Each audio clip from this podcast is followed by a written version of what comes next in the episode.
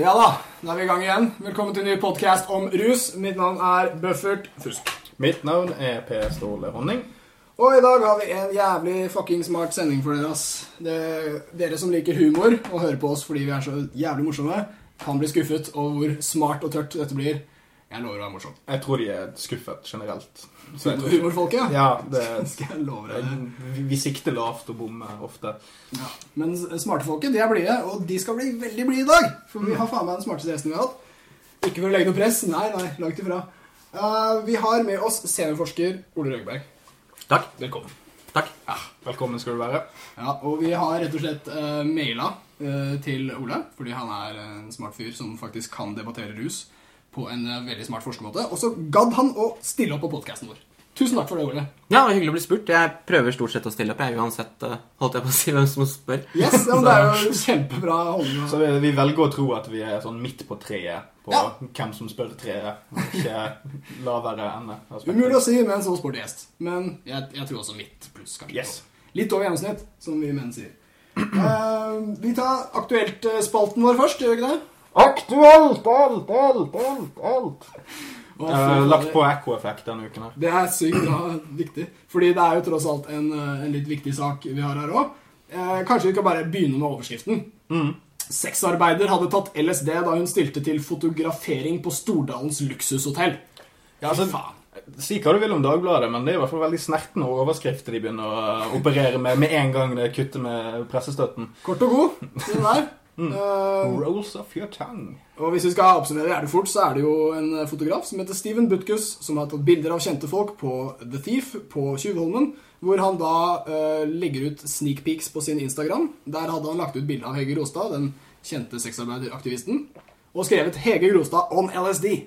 Det som er snedig her, er at betyr det at hun hadde spist det, eller at hun snakka om det? Det engelske språket hjelper deg ikke med det. Men så viste det seg jo etterkant at hun hadde gjort begge deler. da. Ja, Så trolig. Hørte du om denne saken, eh, Ola? Ja, eh, jeg fikk den med meg. Det var jo ikke så lett å unngå. Den, eh, Klikka på den. jeg klikka på den. Man, man, det er noe med det, Når de gjør en så stor innsats for å lage en overskrift som man skal klikke på, så syns jeg nesten det er litt sånn ufint å ikke på en måte ære det arbeidet. Ja, veldig, veldig bra. Det er jo på en måte for journalisten, Ja. eller redaksjonens del. LSD-sexarbeider i uh, keiserens nye klær. Det, det, er jo, det er jo den typen overskrifter vi opererer med her. Så det Ja, ikke sant? Og, clickbait, kalles det vel. ja visst. Det er altfor mye av om dagen. Og, og dette gjelder jo også en, en fotograf sin utstilling, som han prøvde å promotere. Så han har jo slått eh, jackpot på det her i media. Og han kunne jo også etterpå si at uh, det er ikke så viktig om hun tok LSD. Ja, hun tok det kanskje, og jeg tar det tilbake. Hun gjorde det ikke viktig. Altså, kjempesmart fyr. Steven Butkus uh, får en skål fra meg. Ja, men det, den siste tiden så har jo hun eh, slått seg opp som den eh, go-to eh, legalisering av psykedelika-personen for eh, både media og seg sjøl, virker det som. Hun har Ja. gått ut for en ganske sånn positivistisk Twitter-kampanje Ja. for sin egen del. Og Stemmer.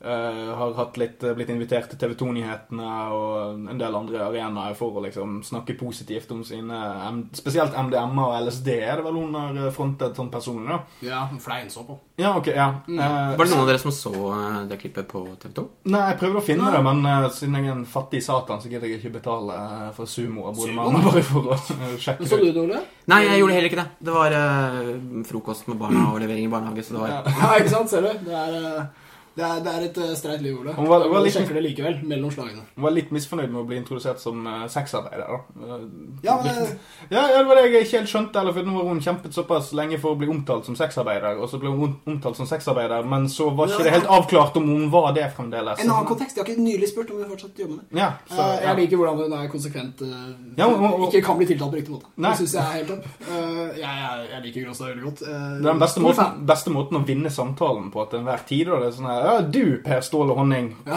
Ja. mener du? Nei, hvem faen har sagt Hvordan det? våger du? Hvordan våger du å tro at jeg kaller meg det? Ja, du spurt meg eh, før vi begynte nå om jeg fremdeles kaller meg det. Nå kaller jeg meg sjøl Riktor von eh, Frankenstein, den Fjodor den tredje. Og en av journalistene som skrev Dagbladet sin sak, han hadde til og med skrevet litt sånn hashtags med sånn 'Å, så brave! OMG!' og sånn på sin egen sak, retta mot sitt eget objekt. Og dette er bare noe jeg elsker med Gråstad. Overalt hvor hun går, så følger det sånn spor av frustrasjon fra samfunnet rundt.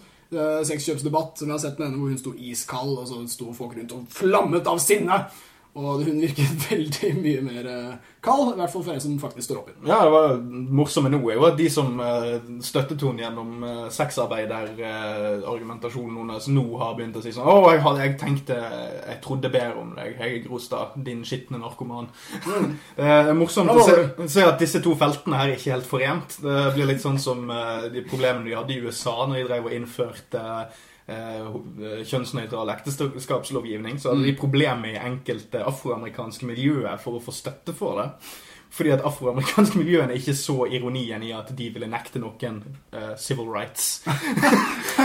så, så det, jeg syns det er morsomt at, at uh, narkotikalegaliseringsgruppene og uh, sexarbeidslegaliseringsgruppene ikke nødvendigvis uh, overlapper. ja. veldig bra. veldig bra. Vi, skal, uh, vi må snakke med gjesten vår desto Yes. mer. Han er jeg, jeg tenkte kanskje vi skulle ta liksom ting som han er god på, og ikke jeg. Men jeg er jo allerede liksom redd for å trå feil. Uh, Fremstå mindre smart enn jeg er, og det er veldig smart. Uh, Ja, jeg vil jo bare be Røgeberg om å bare anta at jeg og Buffert uh, ikke har tatt mer eh, kan mer om økonomi enn det vi lærte på Bedduck på videregående. Men dere har Bedduck? Jeg er ikke bedre. For jeg har ikke Bedduck. Det er, eh, Bedduck det er hvordan det går med bedrifter sånn. Jeg kan- ha har Bedduck. Ok. Han kan mest. Uh, jeg hadde, men ikke nå lenger. Jeg, Jeg, jeg, kan, jeg vet ingenting om bokføring. Jeg vet Nei, ingenting når, der. når jeg så The Avengers på kino for et par år siden, så røk Bedduck ut. Du, du ofra det. Ja. Det syns jeg var greit valg. Mm. Uh, men jeg tenkte, ok, vi, vi skal i hvert fall introdusere temaet lovlig seint ut i sendinga. Sånn skal det være. Det er uh, rusøkonomi, hadde vi tenkt. Fordi altså, Røgeberg er jo samfunnsøkonom, økonom, eh, og det er en veldig tar jeg, Har jeg rett hvis jeg sier at det er eh, en vanlig tørr og kjip økonom som forstår samfunnet mer enn bare tall? Noe sånt? Ja det, vi, er, vi, er, vi, er, vi er nok litt tørre og kjedelige, vi òg. men men, eh, men vi, kan, vi er egentlig ikke som vanlige altså, som bedøkere i det hele tatt. Bedøkere ser på hvordan det går med en enkelt bedrift. Vi ser, prøver å se på hvordan Altså sånn øh, Hva er det som bestemmer utviklingen i samfunnet? På, hva er det som gjør at disse, disse tingene blir det mer av, disse tingene blir det mindre av? Hvorfor vokser det frem? Hvorfor, hva skjer når oljen blir tom? Og så videre. Det er, Høres ut som den kule økonomien. ja, det kan du si. Jeg syns jo det. Men, men er ikke samfunnet bare en stor bedrift, da? Nei, det, altså, sånn, I samfunnsøkonomien så tenker vi at det som er liksom hovedpoenget med samfunnet, er at det, det, eller med økonomien, er at det er en maskin som skal hjelpe oss å gjøre at vi, sto, vi får det bedre. At vi, vi, vi i større grad får gjort de tingene som vi syns er viktige, hver enkelt av oss. Hva nå det enn måtte være. Topp. Yes. Veldig bra. Altså, da, da får jeg liksom lyst til å Jeg vet ikke hvor- hvordan skal vi begynne her. Altså, jeg, jeg vet jo ikke helt hva du selv mener. Jeg har jo sett at du har vært i media og diskutert drugs på en veldig sånn sindig måte. Og da sier jeg drugs, men det er jo stort sett sånn cannabis og det som da er aktuelt.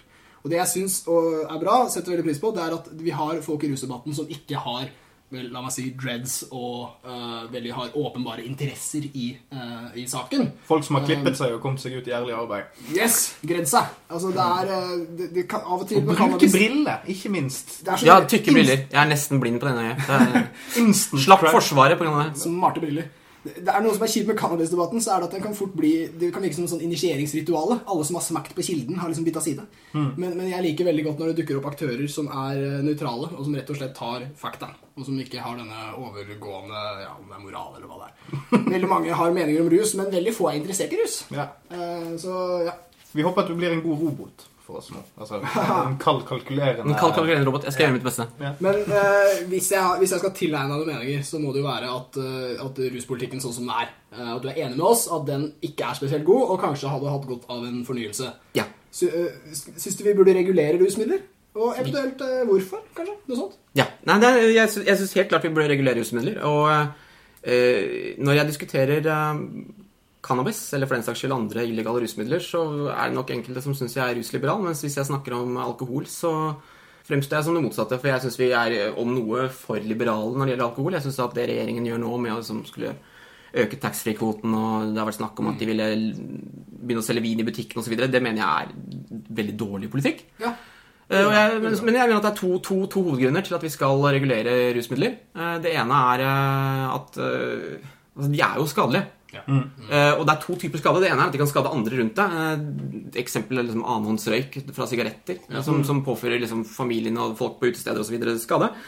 Uh, en, eller for den saks skyld, hvis du, hvis du har liksom, 1000 mennesker som, og du har to alternative virkeligheter I den ene så drikker disse 1000 alkohol, i den andre drikker de ikke alkohol. Så vil de i den verdenen hvor de drikker alkohol, så vil det være mer eh, mer fyllekjøring, folk som blir kjørt ned i trafikken. Det vil være mer vold, det vil være en del, eh, en en del seksuelle overgrep, en del negative ting som påføres andre.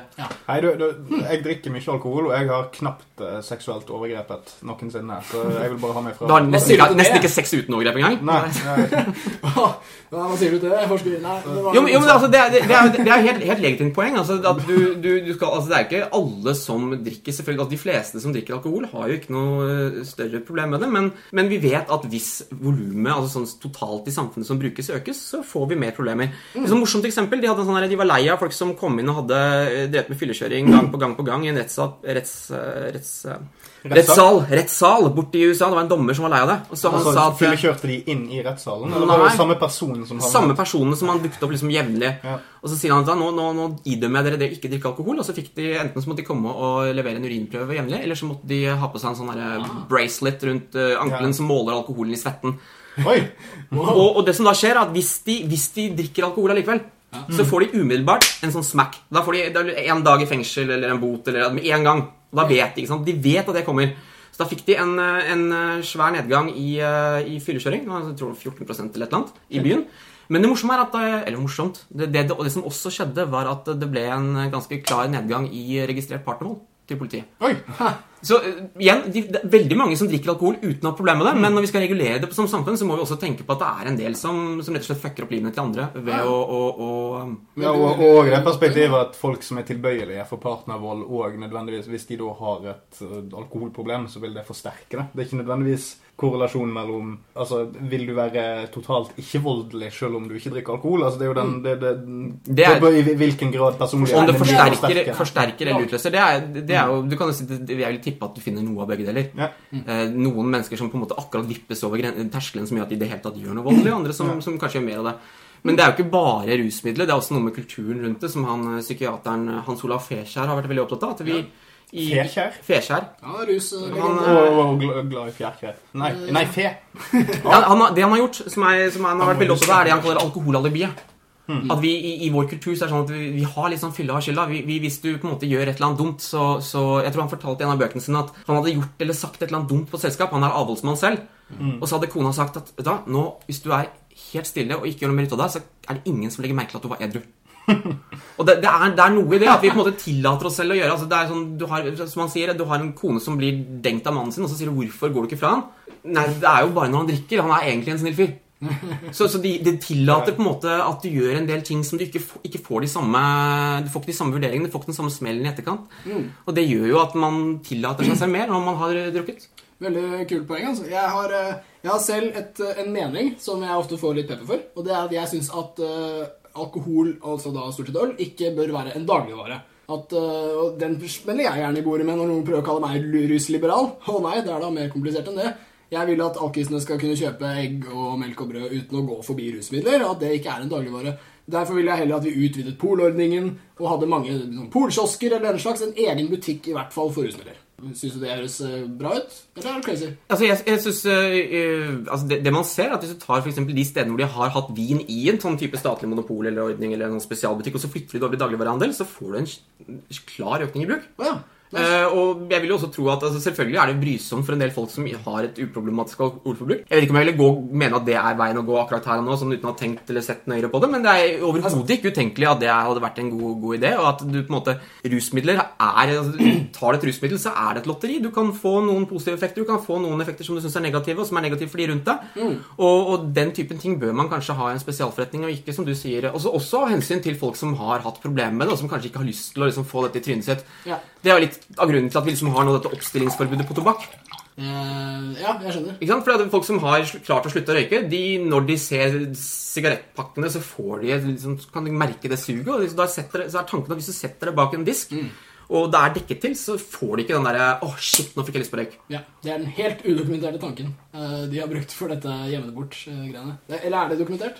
Altså, det, er, det, er, eh, det er en del steder hvor de har innført og så vidt jeg har, jeg har ikke sett veldig nøye på det, men det er en del ting som tyder på at det er en effekt. Men så er det noen problemer med at når de innførte det f.eks. i Norge, Ja. så innførte de det på samme datoen som de økte avgiften. Ja. Og så ser du at salget går ned, og så er det sånn Jo, men er det det ene eller er det det andre? Ja, vanskelig. Men, men når tobakksindustrien bruker liksom mange millioner kroner på å si at dette har ikke en dokumentert effekt, så er det jo litt sånn Hvorfor er de da så jævla opptatt av å stoppe det? Ja, dersom det ikke har en effekt. Akkurat. Det er på en måte sånn, Her er et tiltak mot meg som ikke har noen effekt, og det skal jeg bruke mange millioner på å stoppe. Det er en veldig sånn rar Ja, Det kan hende at de bare ikke er spesielt flinke med pengebruken sin. da. ja det, ikke minst. Det kan det være. Ja. Eh, Men jeg likte begrepet du brukte som var brysomhet. eh, Noe jeg ikke nøler om å påføre ressurssterke rusbrukere. Jeg syns de skal tåle med å bli brydd. Litt som jeg syns at folk skal tåle å se tiggere. Bare fordi folk er faktisk fattige. Altså, Det at det bryr deg, det syns jeg ikke er en stor ulempe. Så veldig ofte når jeg blir kritisert for det der eh, få ølen ut av butikken-argumentet òg, så er det fordi folk er late. Altså, at Da måtte jeg gått lenger. Da måtte jeg kjørt bilen litt lenger. og sånne ting. Og Det,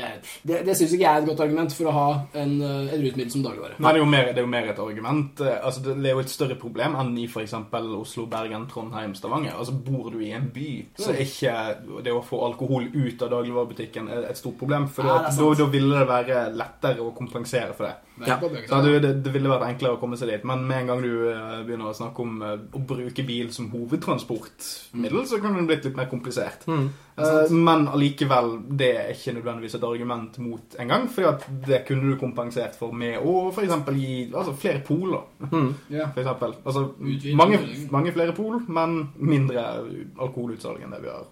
Men altså, det vi har snakket om nå, er jo på en måte den, den skaden som du påfører andre, eller den risikoen for at det er en eller annen ting du gjør som er negativt. Altså, har, Annonsrøyk er et veldig klart eksempel, og så har de prøvd å snakke om annonsdrikking. Så det var en som, en som mente at det hørtes litt ut som at man på en måte skulle drikke det som kom opp igjen. Ja, men, men, men det er jo ikke Som det det går på. Tanken er at det de kaller passiv drikking, er at dette her er en form for det, er, det de ønsker å snakke om, er skadene de som altså bry, det Brysomheten og og plagene, skadene, kriminaliteten, fyllekjøringen.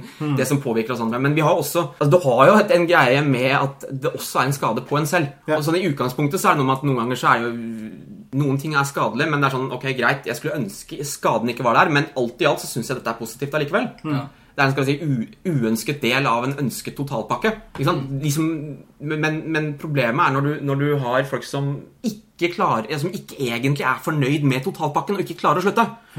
Og der er kanskje sigaretter et av de klareste eksemplene. Du kan spørre liksom rundt omkring i alle forskjell- mange forskjellige land, også, i Norge, og spør skulle du ønske at du ikke røyket, så sier type sånn 90% at ja, jeg skulle ønske jeg ikke røyket. Og, og da har du på en måte Hvis du, hvis du tror på det, da, så, så har, du- har du her en gruppe som, som et, Her har vi et stoff hvor vi vet at ca. en tredjedel av de som prøver det, blir avhengige. De er avhengige i snitt eh, godt over 20 år. Eh, og og, eh, og 80-90% av de som faktisk røyker i dag, de sier at de skulle ønske de ikke gjorde det. Og, da, og, og- de dør tidligere. Da har du på en måte noe som skader dem ganske kraftig.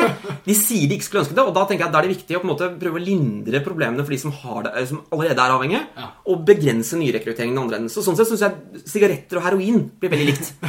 Jo, men, Det er men blir ikke det, det litt ironisk da på grunn Eller ikke ironisk, la meg drite i å bruke det ordet. Men eh, eh, i forhold til altså når da man begynner å snakke om heroin veldig fort sant? Altså Sigaretter er like avhengighetsskapende som heroin, lalala. Men kan ikke det òg ha noe med altså Vi har jo snakket nå om tilgjengelighet, blant annet. eh, men òg i forhold til det at eh, rusen er såpass minimal i forhold til til- tilgjengelighet og nedsatt, eh, nedsatte sjelsevne, holdt jeg på å si. da.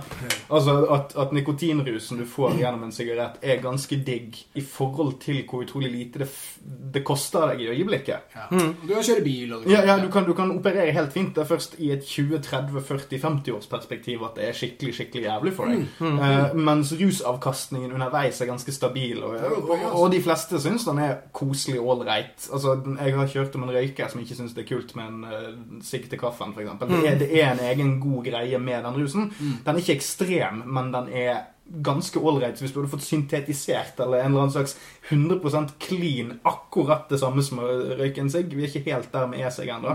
Men akkurat det med å fyre opp et eller annet og trekke det ned i lungene og få akkurat den effekten, så kun, Ja. Jo, eh, det syns jeg, jeg, jeg er bra, bra poeng.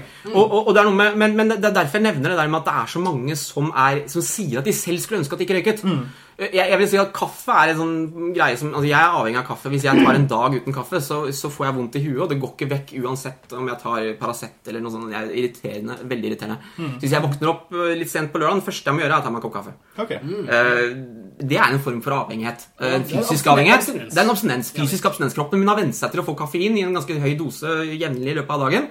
Og hvis jeg ikke får det, så, så, så er det et eller annet som mangler, og kroppen reagerer på det, og jeg får abstinenser. Men skadene altså det, er, det, er, man, det er en del studier som til og med viser positive effekter av å drikke kaffe på, på eh, sånn langsiktig helse. Og det er ikke noe problem, selv om jeg er avhengig, så er det sånn at effekten, det positive jeg får av kaffen Altså, Jeg har ikke lyst til å slutte. Det er ikke, det er ikke fordi jeg er avhengig av at jeg fortsetter. Nei, så ka kaffen er på en måte den kreftfrie eh, sigaretten, da. Ja, i en viss forstand. Så Det er det- det- rus den, som den, er ja. bruk, den brukes på samme rekreasjonelle nivå og gir deg omtrent en tilsvarende mild effekt. Ja.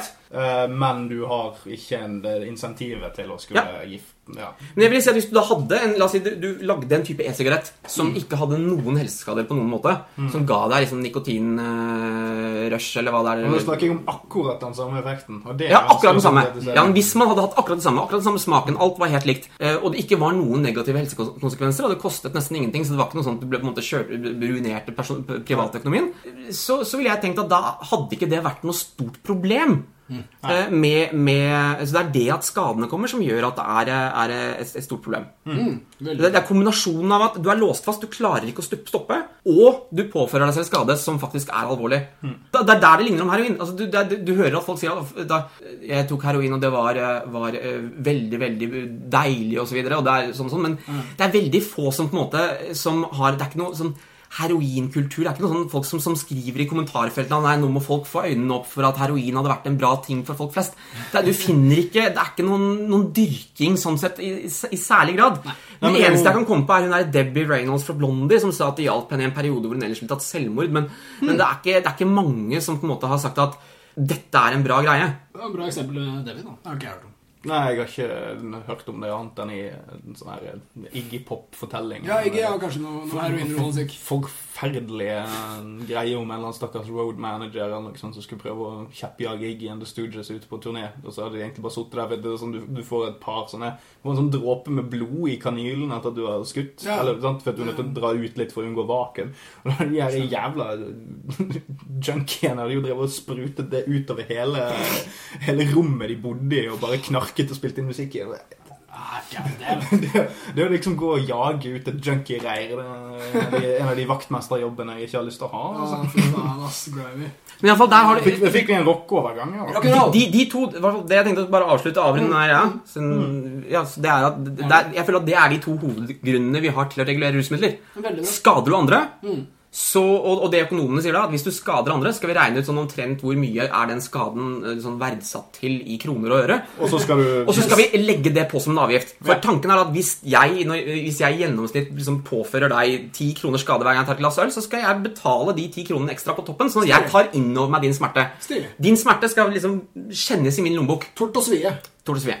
Oh, så, så folk som for eksempel er edru på en, altså ute på gaten, og så kommer jeg og er dritings forbi de, de burde eksempel da kanskje hatt en sånn liten sånn bøsse på brystkassen, så jeg kunne bare legge en tier i når jeg gikk og plagde dem på vei hjem på byen. Det, det kunne du si, men økonomene er egentlig ikke så veldig opptatt av at du betaler til den personen som skades. Poenget hans er altså, det, Hvis du på en måte er villig til å betale den tikronen ekstra, så betyr det at det du får ut av det, alt i alt er verdt mer enn det det koster å produsere, og den skaden du påfører andre. Okay. Så for samfunnet alt i alt så skal vi da liksom velferden øke. Det er liksom hypotesen. da. Da går det bedre på sikt. Ja, Mens den andre typen skade, den der som du påfører deg selv, og den avhengigheten og kontrollproblemet og sånn, den er litt mer eh, ny i økonomifaget. Det er, for det er, Tidligere så pleide man liksom like å tenke at alle alltid tar helt fornuftige valg. Det gjør de åpenbart ikke. Eh, men når man da har, der syns jeg på en måte det viktige er å se er hvor fanget er folk, og hvor skadelig er det for folk at de er fanget, og i hvor stor grad ønsker de selv at de aldri skulle ha begynt. Altså hvor stor grad ønsker de sier at totalpakken er negativ. Som, som et slags bondage, eh, SNM-forhold, kanskje. Ja. Men altså, jeg, jeg har til og med gjort en spørreundersøkelse på røykere som, eh, hvor vi prøvde å spørre dem sånn av 1000 kroner som du bruker på tobakk, hvor stor andel av det syns du var vel anvendte penger på glede og nytelse, og hvor, stor, hvor mye syns du var bare liksom å stagge en avhengighet som du ikke klarte å holde på avstand. Eh, og, og vi fikk jo de, at det er noen, noen som sier at dette her er en totalpakke, en sånn hardcore kjerne med røykere, men de fleste syns det er liksom sånn jeg husker ikke helt, men jeg tror det var sånn 20-30% av den summen som de følte var vel anvendte penger, mens resten var sånn penger ut av vinduet. Ja, Det er veldig veldig interessant. Jeg, jeg må bare, Mens jeg har deg varm i trøya her, Ole, dette er konge Jeg liker veldig godt at du er, har liksom et, et tverrfaglig rusperspektiv her. Fordi jeg har eh, Jeg mener jo selv egentlig at rus burde vært mange fag. Men vi har jo denne tverrfaglige her i vårt program. Eh, I dag har vi russløyd. ja, for eksempel. Rusmatte. Masse å snakke om. Rusøkonomi. Masse russløyd. Spikke noe ja, pipe. Sånn lager du et loom. Ja, det blir stort sett pipespikking. Eh, men her, det jeg hadde tenkt å spørre om altså, Jeg vet at du Jeg kjenner deg som eh, samfunnsdebattant i, i, innenfor rusfeltet, kan man mm, si. Og det jeg lurte på var, Har du, har du selv liksom forska på drugs? Jeg, jeg har skjønt at samfunnsøkonomer de kan forske på ganske mye forskjellig Ja. uh, av ting som skjer i samfunnet. Og jeg syns jo rus er overførbart til det meste. Men når jeg har på meg rusbrillene, så kan jeg analysere Alt passer inn. Uh, men, men har du selv uh, forska på det? Har du på en måte noe, kanskje noe sånn cannabisgreier? Eller fordi jeg så at du har uh, I cannabisdebatten så mente jeg at du hadde noe tall eller noe. Ja, jeg har, jeg har Her har du ja. jævlig peiling, merker jeg meg. Det, det, er, to ting Det er vel tre ting jeg jobber med. Det ene er liksom Jeg ble dratt inn i å skrive om, om rusmiddelpolitikk på Minerva Nett eh, Ja, av, av en stipendiat. i- Han, han som er eh, redaktør, Nils August Andresen. Han er, eh, Klassisk stipendiatoppførsel. Ja, Skrev, han- skrev, skrev du Minerva langt, som heter? Ja, jeg skrev Minerva langt. Jeg har jo, akademikere har veldig problemer med å holde seg til eh, Jeg har aldri fungert særlig bra på Twitter. De ekte. De ekte skriver langt. Ja. Men eh, han, så da, da begynte jeg å skrive der. eh, og, så, men så har jeg også gjort eh, noe sånn eh, Jeg har hatt noe penger på dette her faglig. Jeg har stort sett kritisert andre økonomer og måten de gjør det på. eh, for de mener helt merkelige ting. De mener at altså Men det er jo kult å få litt økonomibeefs. da Få litt sånn, eh, ja, litt sånn East Side, West Side-greie innenfor Å økonomifaget. ja, det handler om penger, det. Men ellers så, var det jo en sånn eh, den, eh, Jeg hadde vært en sånn studie som kom fra New Zealand, hvor de hadde sett på, på en, de hadde fulgt en by på størrelse med Drammen, ca. 1000 ungdom. La oss, la oss kalle det Drammen, da. La oss kalle det Drammen. Drammen, New Zealand. Det var, eh, det het vel Dunedin, heter det byen egentlig. Men vi kan kalle den begynte Drammen. det. Det begynner med det, ja. Så i Drammen da, så følger de da den gjengen her oppover, og så øh, har de sett på alt mulig rart. De har målt alle mulige ting. IQ-en til moren, og, og, og de har tatt genene til dem. De har øh, alt mulig rart. Jeg skrevet 1000 artikler på disse folka. Wow. Eh, og, og en av de som de da kom ut, eh, så på eh, folk som røyket cannabis, og som hadde begynt i tenårene, og som hadde røyket veldig mye. Og fant at særlig de som da begynte før de var Altså Hvis du begynte etter at du var 21, så skjedde det ingenting med IQ-en din. For de målte IQ-en din når du var 12, og så målte de den når du var oppe i 30-åra. Ja. Og så så de om den hadde endret seg. Og de som ikke røyket, eller som ikke hadde begynt å røyke før de var sånn 21-22, de hadde ikke noen effekt på, på IQ-en. Altså de hadde en IQ-utvikling som var helt flat. Ordinær. Ja, Mens eh, de som da eh, hadde røyket mye, som hadde vært De, hadde, de ble kalt inn ca. Sånn annethvert år, og de som da hadde vært kalt inn og vært målt som avhengige i forhold til sånn kliniske kriterier tre år på rad, de, ja. de hadde hatt et fall på IQ. Det var en ganske liten gruppe. Det var nede sånn fem, ja, altså fallet fall i IQ-en. Wow. IQ-en hadde falt. Det hadde falt med sånn seks-syv IQ-poeng.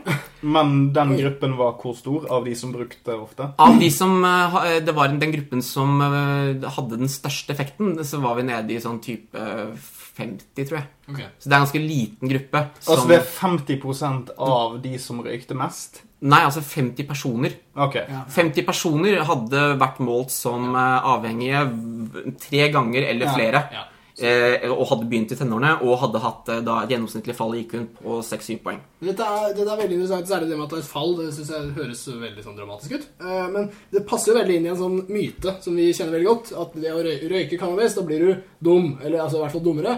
Og jeg har, jeg har liksom smakt litt på det her sjøl, for jeg kjenner jo mange eh, smarte folk eh, som har gått cannabisveien. Og det, det jeg tenker på er liksom de er jævlig smarte, selv om de røyker cannabis. Så myten ser jo på en måte ikke ut til å stemme i mine øyne. Men jeg tenker jo på en måte Hadde de vært smartere uten? Altså Hvis de aldri hadde begynt å røyke hasj, hadde de vunnet nobelpriser i stedet? kanskje? Altså, Ja, jeg, jeg vil bare legge sånn kjapt Hvis Ja. lytteren nå sitter der og ikke skjønner en dritt av disse økonomitingene, så vil jeg bare klargjøre at det er fordi at du sitter der og røyker hasj. Ja, ikke sant? Så her, Skulle hatt IQ til det her. Vi skjønner dette her helt plettfritt. Du begynte før du var 21. Men- gjorde du ja, dumme, dumme lytter. Men ja, Ja, eh, videre, Røgeberg. Jo! ja, nei, altså, så jeg, jeg, jeg, jeg, hadde? Jeg hadde ingenting med det studiet der å gjøre, men det var det de mente å finne. At det var en, eh, og Hvis du ser på tallene deres, så mener jeg også å huske at det var sånn at de som hadde begynt å røyke, de var, hadde faktisk litt høyere IQ til dels i utgangspunktet, men de hadde da hatt et fall som gjorde at de endte under til slutt som voksne. Eh, Og, og da Det som er problemet, er at vi aner jo ikke altså Det er ikke tilfeldig hvem som begynner å røyke cannabis. Nei, det Eh, Så det er jo og Særlig de som begynner i tidlig ungdomsalder, så er det ofte folk som kanskje har litt sånn trøbbel med skolen, som, eh, som er litt opposisjonelle, som kommer ofte fra litt sånn dårligere kår. Ja. Det er en del andre ting som henger sammen. Altså, er det en del eh, Det er folk som har sett på IQ, IQ-forskning generelt. Også, og en av, eh, en av de som, som heter, en som heter Flynn, som er en av de store IQ-forskerne, han mener at det er at IQ er litt som en muskel. At, at Hvis du på en måte snakker mye med smarte mennesker, hvis du går på skolen og utfordrer deg selv, hvis du leser vanskelige bøker, hvis du er opptatt av ideer, hvis det er liksom noe som girer deg opp, så blir du flinkere til å tenke abstrakt og logisk og konseptert, og da får du en høyere IQ. Så det jeg skrev en artikkel om, var at det kunne være noe der vi plukket opp. At, at du har på en måte en gjeng med folk som At den typen folk som uansett er på liksom en sånn livsbane som, som bringer dem vekk fra skolen og, og, og vekk fra Altså sånn i andre retninger. Det er den gruppen som begynner å røyke eh, som unge. Mm. Så det blir mer en sånn markør, en sånn tatovering, et eller annet som gjør at vi kan plukke dem ut. Ja, ja. eh, enn det det blir eh, Litt sånn som det har kommet et norsk studie nå i forrige uke som, som så på dette med alkohol. At hvis du drikker alkohol som ung, så har du høyere risiko for alkoholproblemer som voksen. Men, Men de hadde, det er jo ganske gammelt. ja, men det de gjorde, var at de hadde et tvillingstudie. Så det de så, var hva Og tvang de én tvilling til å drikke De tvang dem ikke, men noen ganger så skjer det. Ja. Og det de fant ut da, var at den tvillingen hadde like høy sannsynlighet for å få alkoholproblemer som voksen, selv om han ikke drakk som ung.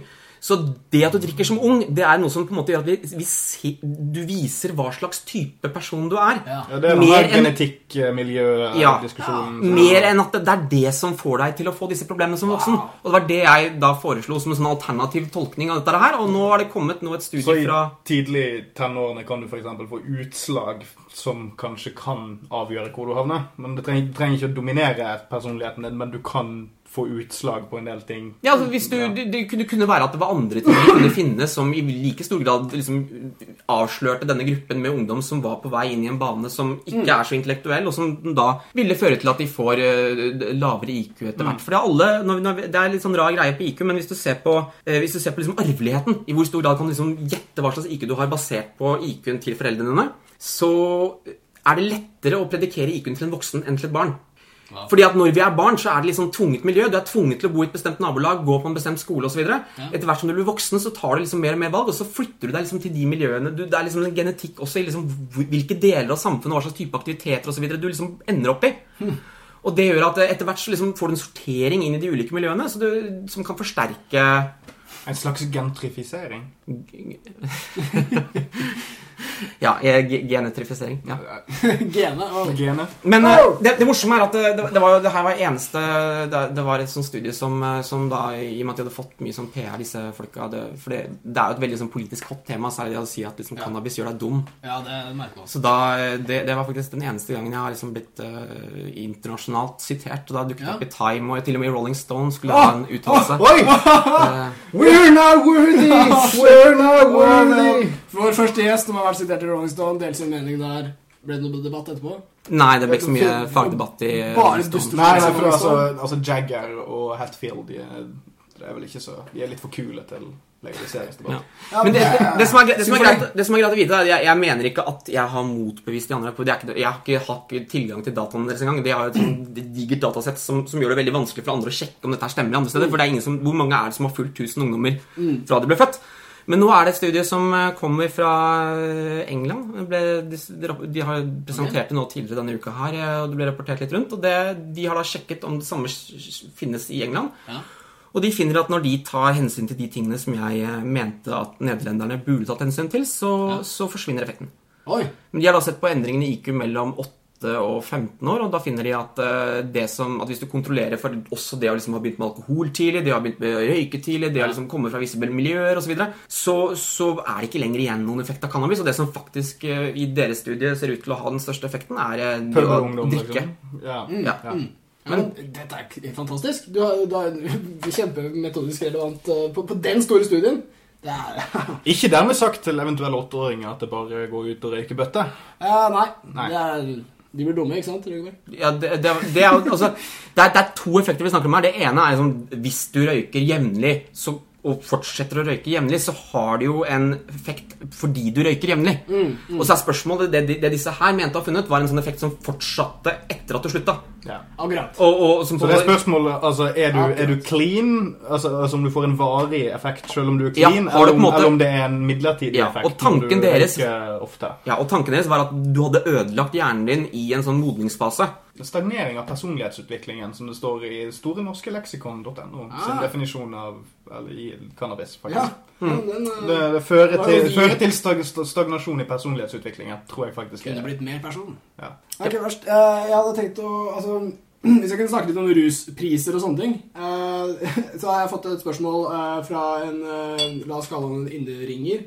Hvor- hvordan kan det ha in, in something, Hvordan kan ille, det ha seg at illegale rusmidler kan være billigere enn de legale? Og da tror jeg vedkommende tenker på at enkelte narkotikaformer kan Uh, altså, Det å bli, bli rusa nok, komme til det punktet man er fornøyd med, det kan være billigere med narkotika enn med alkohol, som tross alt er ganske skattebelagt i Norge. Eh, tror du det er altså, Han mener jo i hvert fall at det, det stemmer. Hvordan kan det være? Er det fordi avgiftene er så høye? Og er det kanskje en, en litt sånn norsk greie? At, at det er bare så mye alkoholavgifter? Det er et uh, godt spørsmål. Det er ikke, ikke, ikke et spørsmål som jeg har vært mye borti. Det- Men, men en, ting, ting er at du, du, i utgangspunktet så kunne det jo være bare at noen typer rus er billigere å produsere. Ja, det er jo I utgangspunktet. ikke sant? At, at for eksempel, Hvis det er en ting hvor du trenger et stort laboratorium Ja, selv om det var lovlig. Ja. Ikke sant? Hvis det ene krever masse laboratorie, og det andre eh, krever at du tar en sukker og gjær og slenger oppi en bøtte, Ja. eh, så, så vil du forvente at det er liksom prisforskjeller her, også, også om det var helt legalt. Ja. Eh, Men, men utover det så er det sånn at vi har et forbud Tanken bak forbudet er jo å, å prøve å få prisene til å gå opp. eh, Og tilgjengeligheten til å gå ned, sånn forbruket mm. går ned. Men det vi ser skje, er at vi mister kontrollen over prisen. Så du får et hopp opp. Det så vi f.eks. I, i, i, i forbudstiden i USA. så falt De innførte forbudstiden, så falt alkoholkonsumet til røftlig en tredjedel.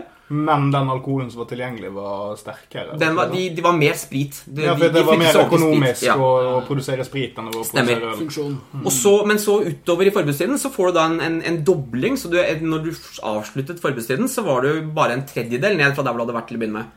Ja. Ikke sant? For de gikk ned til en tredjedel, og så gikk det opp til to tredjedeler, og så ble det fjernet i forbudet. Så det forbudsmarkedet de hadde på slutten av forbudstiden i USA, det, nå hadde, da hadde de en distribusjonsmodell som ga avkastning. Ja, Det er et eller annet som, det er en utvikling i markedet. Ikke sant? Det er jo, altså, når noen finner en bra måte å produsere det billig på, eller importere det, eller smugle det, eller hva det måtte være, eller distribuere det, så, så tar folk etter. Og så får du så Det vi ser også i, i, i Norge og i flere land, og en studie som kom i fjor, er at eh, Det er sånn med smarttelefonutvikling, f.eks. eksempel. Ja, og at hvis du ser på prisene på, på illegale stoffer, enten det er cannabis eller kokain eh, eller andre, så ser det ut til at renheten øker over tid, og prisen faller over tid. Ja. Så vi, vi innfører forbudet, prisen går opp, men så mister vi kontrollen. Hvis du ser på de, Ja. Snakk med Thomas Hylland Eriksen, han sier han liksom at ja, nei, jeg husker at når begynnelsen av 80-tallet så pleide det å koste 100 kroner bison. Det konstruerer det. ja, det er han sikkert også. Men, eh, men i alle fall også, så, Men du ser liksom at, at, at hvis, du, hvis du tenker på liksom den prisutviklingen som har vært altså Donald kosta 2,50 og koster nå 40.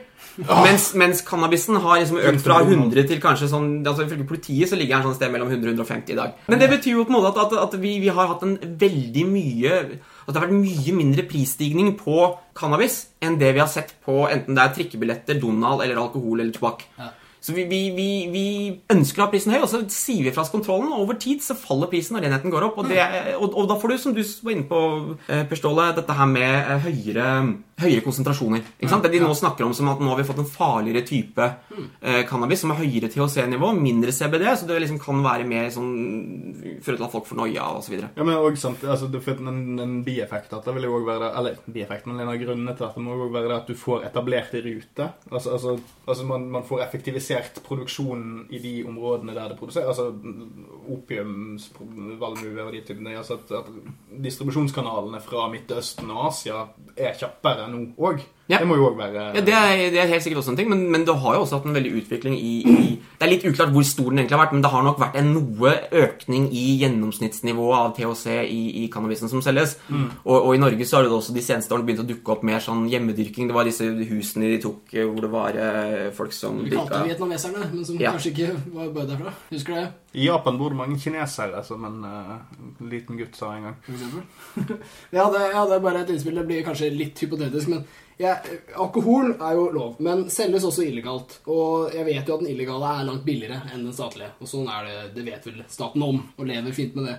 Men jeg tenkte at hvis dette blir som sagt veldig hypotetisk. Hvis staten hadde f.eks. legalisert en ny substans, om det var cannabis, MDMA, hva som helst, så måtte vel de også hatt det i sin interesse å holde den prisen litt lav? Altså bare for å kunne konkurrere med de illegale markedene? Eller er, er- det, blir det da som alkohol, at man er villig til å heller eh, ha en høy pris eh, for, for totalskadenes del? Det er et godt spørsmål. Eh, Jeg tenker at Hvis du hadde hatt et eh, lovlig Hvis du hadde gjort det lovlig med cannabis, så, så de som har brukt eh, cannabis per i dag, er jo folk som syns det er greit å gjøre det når det er ulovlig.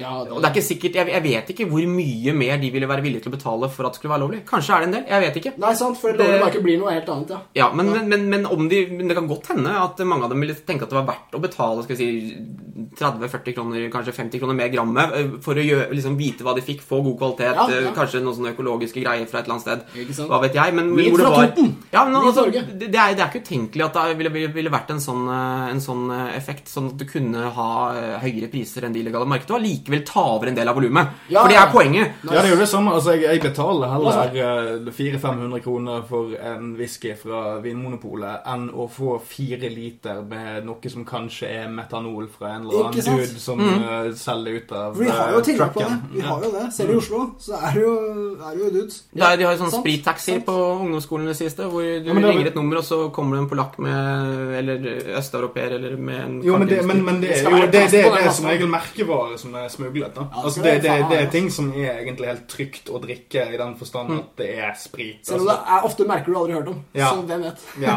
kan hende. Men det er tillit ja, men det, det er inntrykket jeg har hatt, i hvert fall. Altså, Ja. det, det er smuglervare, men det er ikke, det er ikke smuglet uh, rumpesprit. da. Det er ikke det jeg av. at det- Jo, nei, men kan jeg si en ting? Ja. Det, jeg tenkte på, for jeg tenkte på det du var inne på med, med, med det illegale markedet. Det er, sånn, når vi snakker om alkoholpolitikk, så er jo alle synes det er helt greit å si at jo, vet du, kanskje er det sånn at ideelt sett så skulle vi hatt litt høyere avgifter. Men da får vi mer grensehandel, da får vi mer smugling, da får vi mer hjembrenning.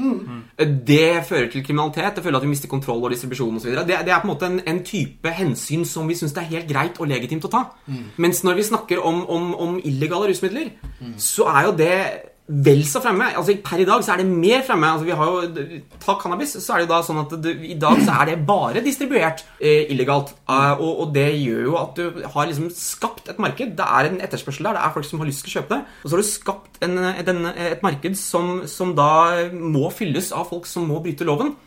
Og det er altså det her er noe de har undersøkt på 80-tallet og nå nylig. Så, så har de liksom gått til fengsel og sett hvem er det som sitter inne for narkotikakriminalitet. Og det er veldig mange av dem er helt vanlige folk som begynte som brukere. Og så etter hvert så fant de ut at vet du, kanskje vi skal ta, ta båten over til Danmark, og så kommer vi tilbake med en eh, kilo eller noe sånt, selger vi til vennene våre, og så tjener vi oss masse penger. Ja, for der, der kan du jo kanskje ha et element altså, Er det noen som har gjort noe tall på det? Hvorvidt uh, hvis, hvis du tar uh, samfunnskostnaden av at folk f.eks. blir tatt for relativt små narkotikaforbrytelser Hvis du hadde fjernet samfunnskostnaden av det La oss si en småbarnsfar blir tatt med ett gram kokain. Eller to gram, eller tre gram. Nok, nok til å bli dømt, i hvert fall til la oss si samfunnstjeneste, eller kanskje en liten fengselsdom. Samfunnskostnaden av den typen eh, straff eh, kontra det at dette kunne vært en vanlig rekreasjonell aktivitet. da Ja. Eh, Med, skattlegging. Fordi i hvert fall i de enkelte narkomane sitt tilfelle så er jo dette en type sånn spinning out of control-konsekvens.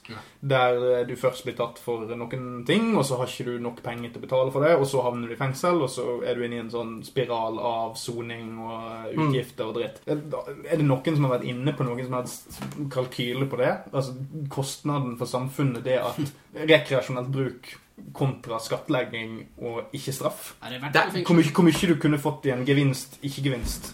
Altså, Du er inne på ganske mange forskjellige temaer der. Ja, ja, på en gang. for fordi alle det- bare ta- ja, ta det litt det tar liksom, etter hvert, tenk, hvis du tenker liksom på de som er brukere, og som da kjøper det illegalt, og som har en risiko for å da få en eller annen sanksjon som, som Ja, nå snakker jeg ikke om liksom, det vi tenker som skurker. Nå snakker vi de som bare kjøper for å bruke det Ja. sjøl, og ikke for Ja, å selge. Ja. Og da, da kan du på en måte si det som så at det, det at de har en risiko for å bli tatt, og en risiko for å få straff og kanskje bli, mm, problemer med arbeidsgiver og familie, eller hva vet jeg, det er jo en form for skal si, sånn avgift i lotteriform, tenker jeg. Altså Det er sånn eh, de, Det er noen det som blir tatt. det, det er noen som blir tatt, og de må betale dyrt. Men det er ikke så mange som blir tatt. Eh, men det er på en måte Det er litt som at du skulle gått i butikken og kjøpt øl, og så er, koster det liksom 10 kroner flaska. Men en gang iblant så koster det 500, og du kan ikke trekke deg fra salget.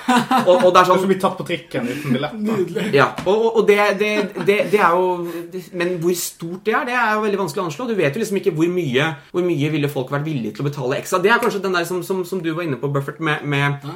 At hvis man kunne bet, Ville man betalt mer for å gå på polet? Ja, ja. Og, og, og, og en av grunnene til at man vil betale mer for å gå på polet, er jo at man da slipper Risikoen for å, ikke bare å kjøpe noe som er dritt eller farlig eller skadelig, men også det at du, du mister risikoen for å bli tatt for å ha gjort noe ulovlig og få en sanksjon på det. Koster det det koster. Ja, for de som vil gå til da det, det vil alltid finnes et illegalt marked, men de som går til det illegale markedet, da er høyrisikomennesker i utgangspunktet. Ah. Altså man har en viss prosentandel av befolkningen som har høyrisikoatferd til enhver tid. Ja. Altså det er de som kjøper umerket sprit på tre Ja. liters kanne. Altså, de vil alltid finnes, og de, de kan du ikke nødvendigvis argumentere Du kan ikke bruke de som et argument mot at man skal ha spritsalg, f.eks. Nei. Men, men Fordi den, idioter vil alltid eksistere. Så da er det spørsmålet hvor, hvor, mange, hvor mange av de som ryker utpå, er idioter, og hvor mange kunne vi unngått? For hva, Vi har 10 000 sprøytenarkomane i Norge. Hvor mange av de er det som er ikke-fungerende pga. sosial stigmatisering? Altså Hvor mange er det som blir satt utenfor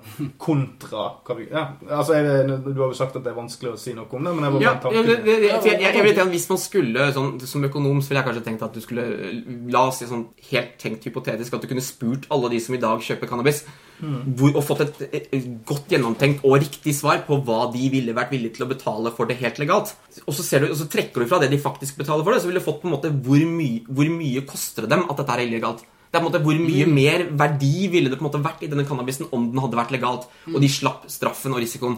Eh, Så du kunne, i hvert fall sånn prinsippet, så kunne du tenkt at dette her var noe som lot seg måle, men det ville være ganske intrikat og vanskelig og lite troverdige tall som kom ut av det.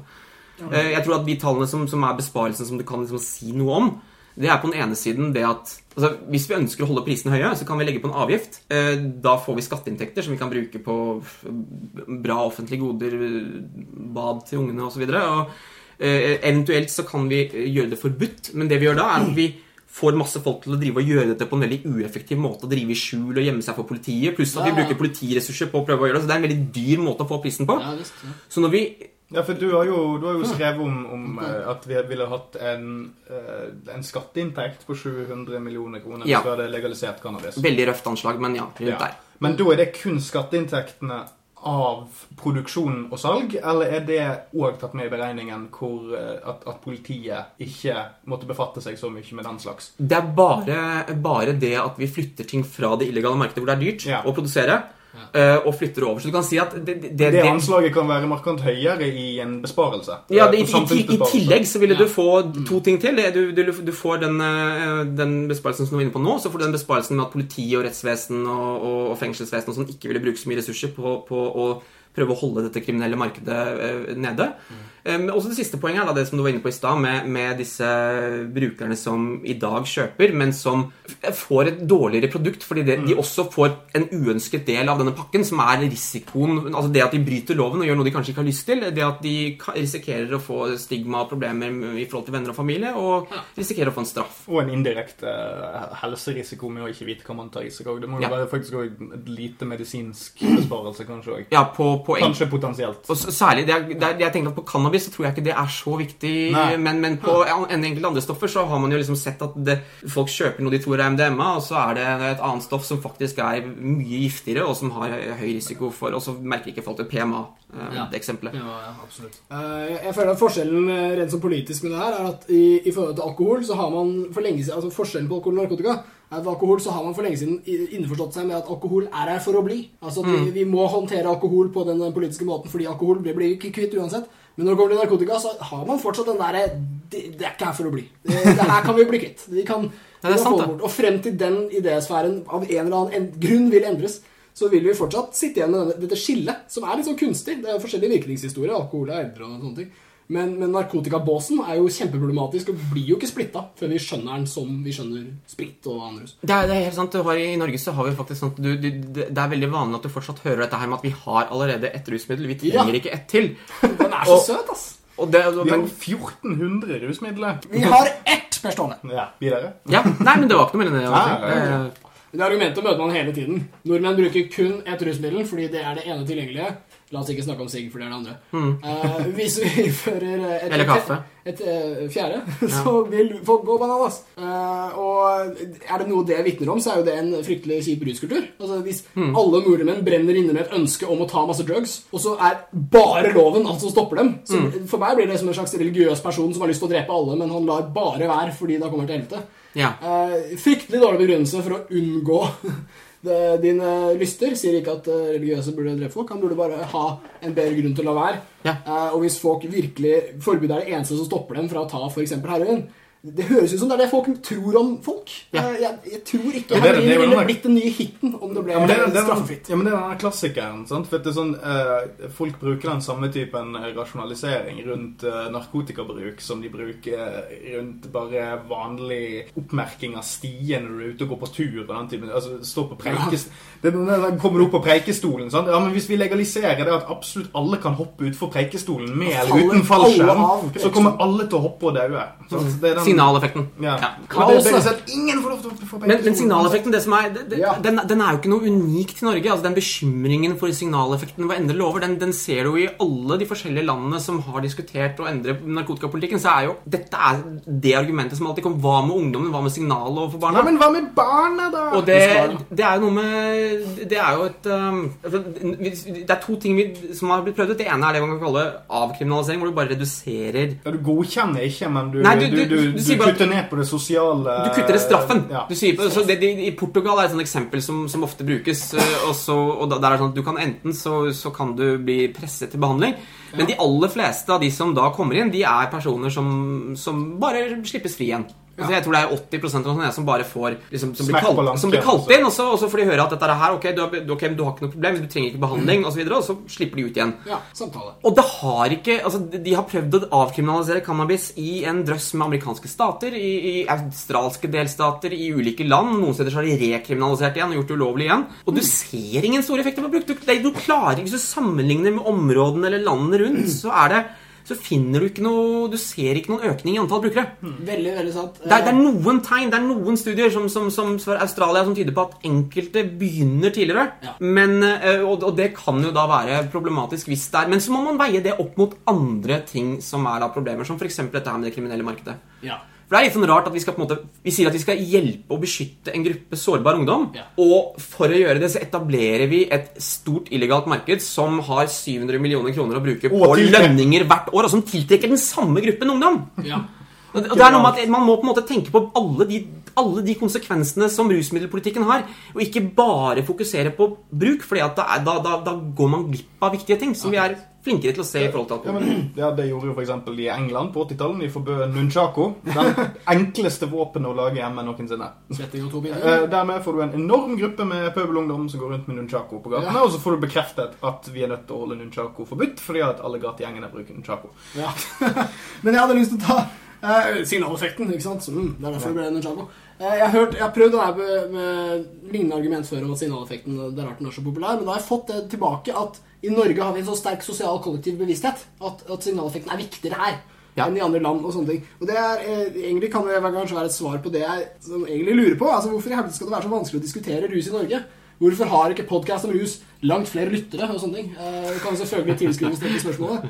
Uh, hvorfor er, det vanskelig å være positiv? Vi, vi var der litt i stad med at vi blir oppfattet som rusliberale. Og så har jeg meninger om rus som er alt annet enn liberale òg. Men, men hvorfor skal det være så vanskelig å være positiv i Jo, Norge? jo, men altså, det, det er En av de tingene jeg syns, er eh, vanskeligst med, med rusmiddeldebatten som jeg, når jeg deltar i den, er, Ja. er akkurat det der med, med å at det er så veldig mange forskjellige typer eh, publikum som du må klare å, å ha i hodet på én og samme gang. Ja. Det er, det er eh, Fordi det er jo altså, Rus er jo Jeg tenker liksom at rusmidler er, det er liksom å kjøpe lodd i et lotteri. Ja. Ulike rusmidler har litt sånn ulike risiko for ulike positive og negative utfall, men det er risiko der. Og hvis du da snakker om dette her og prøver å si at liksom, risikoen her er lavere enn det disse menneskene gir inntrykk av sånn, så betyr ikke det at du sier dette er et lodd alle burde løpe til å kjøpe. Og Nei, det betyr og- heller ikke at du sier at dette er noe ungdom bør gjøre, eller at det er bra, men du sier bare at la oss i hvert fall ikke Altså, vi, vi- vi kommer ikke videre verken i forhold til en fornuftig politikk eller i forhold til en troverdig informasjonsoppgave overfor ungdom hvis vi ikke Altså særlig i dag. Når du på en måte har internett, og du kan gå og, og du ser hva slags forskning som er gjort osv. Altså, det å da komme med ting som er eh, veldig liksom overdrevet og, og, og, og veldig det, Jeg antar at det er mennesker som, driv, som, som, som mener dette her, og som er veldig bekymret. Og, som, og man leser jo selvfølgelig ting med de brillene man har. Du vil ikke si det, men jeg sier det. Hysterisk. Ja, men, men, men, men samtidig så tenker jeg at du, du Dette snakket vi om sist. da, eller Vi var jo innom på det. Sant? Den der sammenligningen mellom altså, eh, hero, eh, Hasj er nesten like avhengighetsskapende som heroin. Eh, Stemmer. dårlig statistikkbruk, bla, bla, bla. Eh, men da snakket jeg i hvert fall kort om hvordan man snakker om avhengighet eh, innad i ulike rusgrupper. Selv om du er avhengig av sigg, det har vi vært innom nå i dag, sant? selv om du er avhengig av sigg i like stor grad som du er avhengig av heroin, så er alle innforstått med at heroin er mye verre å være avhengig av. Egentlig. Sant? Det fucker opp livet ditt mye mer. Men problemet med å ha denne sekkebetegnelsen narkotika på absolutt alt som ikke er lovlig eller sanksjonert av den norske stat, så er det at absolutt alt blir klumpet sammen til det samme argumentet. Og det gjør da at når eh, noen skal gå ut og snakke om Ja, eller prøve å nyansere debattfeltet, så kommer alltid en eller annen eh, do-gooder som egentlig har gode intensjoner, inn fra sidelinjen og avspore debatten i en helt annen retning, fordi at ting er ikke definert godt nok Nei, okay. du, diskusjonen blir alltid en slags spiral om definisjoner. For at Ja. vi, siden alt er forbudt, så har, har vi ikke klare definisjoner å operere ut fra. Mm. Og så uh, er folk opptatt av en forbudslinje, og så blir det bare forvirring hver gang du f.eks. skriver en kronikk. Absolutt. Men jeg, jeg, jeg tenker liksom det er noe med at vi er jo alle formet av våre erfaringer og hva vi eh, på en måte ser at vi eh, på en måte hva, hva vi har sett rundt oss og hva vi har opplevd. Og, og jeg, jeg tenker at hvis, hvis du har La oss si du f.eks. hadde hatt en person i familien som var uh, tung alkoholiker. Ja. Så ville du antagelig synes det var veldig vondt og ubehagelig og vanskelig å høre på en del av de lettvinte tingene som blir sagt om alkoholpolitikk, om at jo, jo, vi skal alle dø en gang, og det kan ikke være så farlig, og de fleste har ikke sant? Det, det ville være eh, veldig vondt å høre. Ja. Og jeg har full forståelse for at folk som har ungdom eller bekjente, eller som selv har hatt problemer For det, rusmidler er, har en risiko. Du kan virkelig ødelegge livet ditt eh, med både lovlige og ulovlige rusmidler. Og det, det er på en måte noe med man, Jeg syns det fortjener en viss form for si, ydmykhet liksom forsiktighet når man, når man, at man liksom erkjenner at dette her er ikke Man skal ikke ta for lettvint på det, i hvert fall ikke hele tiden. Jeg vet at Dere har kanskje litt sånn løs tone her, får jeg inntrykk av. Men, men det det. Det ja. Nei, men Det er øh, kjempebra. Det, øh, jeg tror det egentlig er et veldig blått uh, siste ord. Jeg. Eh, jeg må bare takke for at du kom. Vår smarteste gjest så langt. Er det lov å si? Disse er de andre gjestene. Nei, det blir ikke disse av det. Tusen takk, Ole Røgberg, for at du kom. Har det vært ålreit? Ja, det har, det har vært gøy. Eh, Du kan si det Hva sikkert føler du nå? Ja. Jeg føler at det har gått greit. Jeg er sikker på at det er andre gjester dere har hatt som har hatt bedre flow, eller eh, andre ting som eh, de utmerker seg på. Så, Ja. så, så, sånn sett så, så er det vel eh, Jeg passer, Passer inn i et bredt spekter av folk som dere har hatt på dette programmet. Fakta per en minutt diplomat. tror ikke jeg noen overgår med det første. Okay. For en diplomat, takk for at du hevet lytterens IQ-poeng med minst sånn 10-12. Eh, Så nå har vi nullet ut hasjbruken. ikke sant? Fortsetter dere ikke hasjlytter? Nei, ikke gjør det. Ikke gjør det. Ikke Takk gjør det. oss.